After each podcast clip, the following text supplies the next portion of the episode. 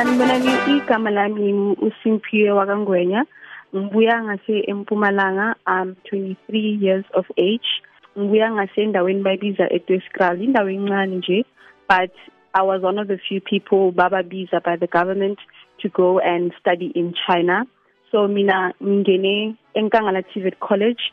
Um this is a program that the government has introduced uh, throughout all universities also nama college where they select students to go and study abroad. So nami ngathola ithuba lelo ukuthi nami sengizibona sengisemazini amanye.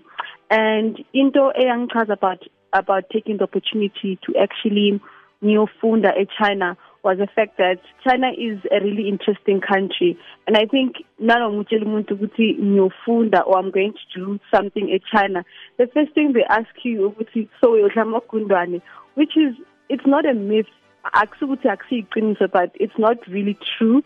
Uh but that's what made me uh ukuthi ngibe interested ngokuzibona ukuthi nami ngifike eChina um the idea esinayo about ama China injalo vele ama China they are very strict and um bakhula ine ngizathini in a systematic way. Khona indlela ebakhuliswe ngayo and nawe mawufika kumele uzifundise ukuadopta kuyo or else it's going to be difficult for you. Angisakhumbula ukufika kwami eChina. Eh eChina kuyashisa. I know people think ukuthi Africa it's very hot but China is very very hot. Kuyashisa. Um I think they're the most humble people engahlangana nabo empilweni. Um most Chinese can't speak English. Into eyasimangaza thina abantu like abaningi esisafika masike eChina ukuthi how? ama-China they can't speak English. 95% cannot speak isingisi of any other native languages. Well obviously they can't speak isiZulu but they can't speak isingisi.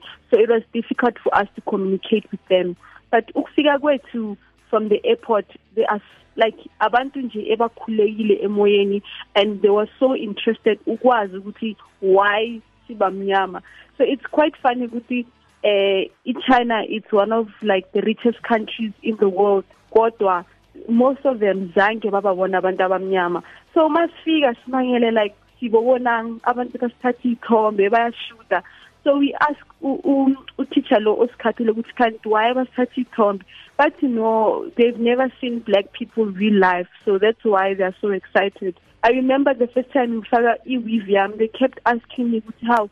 Why inwele zakho zizinde kanjena? Ugcobisa ini? And i'm like no akusinwele zami. And they kept trying to ukudonsa inwele because they were so excited and they couldn't understand ukuthi umuntu omnyama but unenwele ezinde kanje ukudlula thina ama China kanjani? So i think that was something really exciting as well ukuthi is China it's very difficult ukusifunda.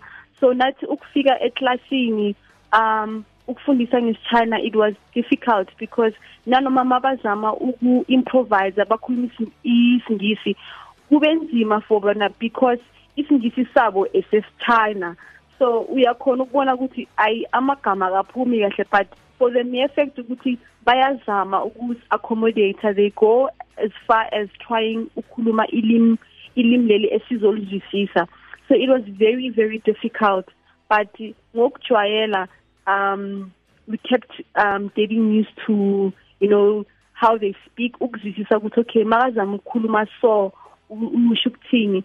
Ah size sathola namagama mina igama lami it's Shaoli which means um beautiful in Chinese. So mase bangibuzisa ukuthi ubani igama lami bengimane ngithi Shaoli so bebamangala ukuthi why ngimnyama but ngine igama lama China so uyothola umuntu afike kimi azame ukungisusa like maybe angisusa like angirabe iskin sami azitshele ukuthi maybe ngifake into emnyama i'm playing around. Kanti no it's actually my skin color. Then ngizobachazela ukuthi no um, i'm actually a black person. I'm from south africa which is called nine thing so in chinese um south africa it's nine thing you don't say south africa but you rather say nine thing so ukuba lana it was it was very interesting.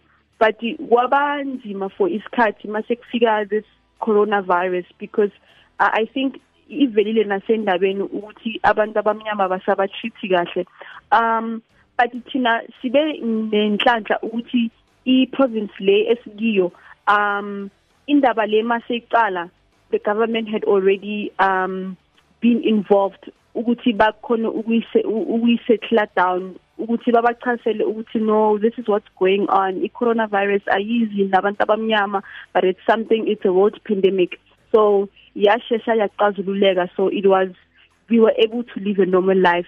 But i do always uh, say to people ukuthi if there's an opportunity for you to come and study in China or to work in China ngiyazi ukuthi abantu abaningi esibaziyo ebeza eChina beza ngokufunda but there are a lot of opportunities akhona for abantu abamnyama abelungu amandiya all all races to come and do something in China.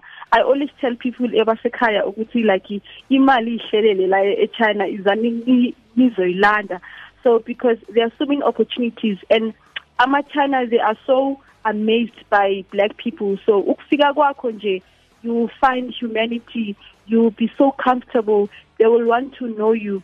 I mean there are a lot of fun things to do in China and China is cheap the way we think it is. Kuyathengeka life is so cheap. Um one of the advantages esiba nazo being black in China ukuthi mawufika nje clubbing how? Njengoba kuthi umnyama get free drinks and you and you know that we as black people you know we love a fun time. And you find um Chinese play black music just because they want to accommodate you. So ukuba khona la China it was it was a really really amazing time. And i always try to motivate people ukuthi if ithuba uyalithola ukuza or to go to any other country lithathe. But obviously follow the right footsteps. Um i do have like a youtube channel where i do share opportunities la akhona eChina but how to do them properly. But ungangeni kuma Facebook so ungena kuma link because there is human trafficking. So kumele sibheke on those things ukuthi such things are there. But i try to do um a video ngichaza ukuthi wena as umuntu ungazithola kanjani eChina. And nama programs la akhona in universities akhona ema colleges where they select students. So if nawe ukhona in a higher institution go to your reception and ask ukuthi how can i find myself in China or in other countries? So i do think it's an it is an opportunity that our government has opened for us as young people to go and explore amanye amazwi so i think it has been an amazing opportunity. So nami ngiyabonga and ngiyabonga to ikhozi FM for kunginikeza le thuba leli ukuthi nami ngichaze ukuthi nami ngazithola kanjani ngise China and how you as umbukeli of umlaleli wasekhaya naye angazithola se um ase China so but you can also follow me on Facebook igama lami Beatrice Impiyengwenya on YouTube I'm Beatrice Impiyengwenya on Instagram I'm Beatrice_sini um I just like to say Ukhozi FM thank you for the opportunity for having me and I can't wait to see you um, my fellow South Africans in China. Ngiyabonga.